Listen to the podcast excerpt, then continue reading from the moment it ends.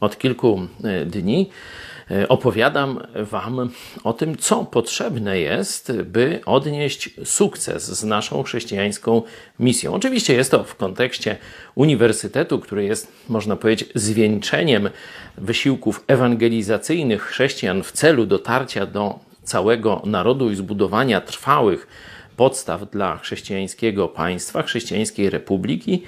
Mówiłem o, przede wszystkim o wizji, o ludziach, o organizacji, a dzisiaj chciałem Wam pokazać ciekawą historię ze Starego Testamentu.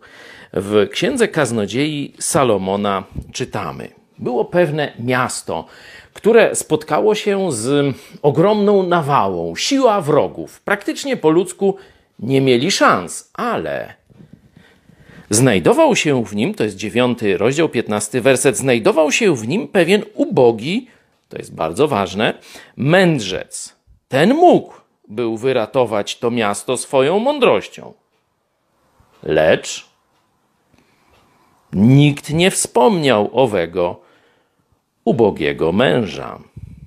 Wtedy powiedziałem sobie, Salomon rozmyślając nad tą historią, upadku miasta, w którym było rozwiązanie, w którym był człowiek, który wiedział, jak je uratować.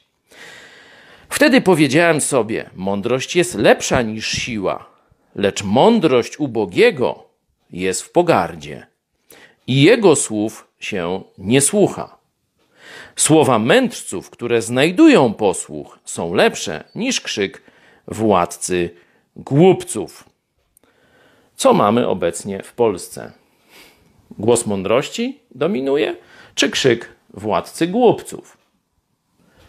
Jeśli głos prawdy, głos mądrości nie będzie odpowiednio silny, odpowiednio wyposażony, nie będzie miał siły przebicia w społeczności, na nic się nie zda. Dlatego potrzebna jest Twoja pomoc i zaangażowanie.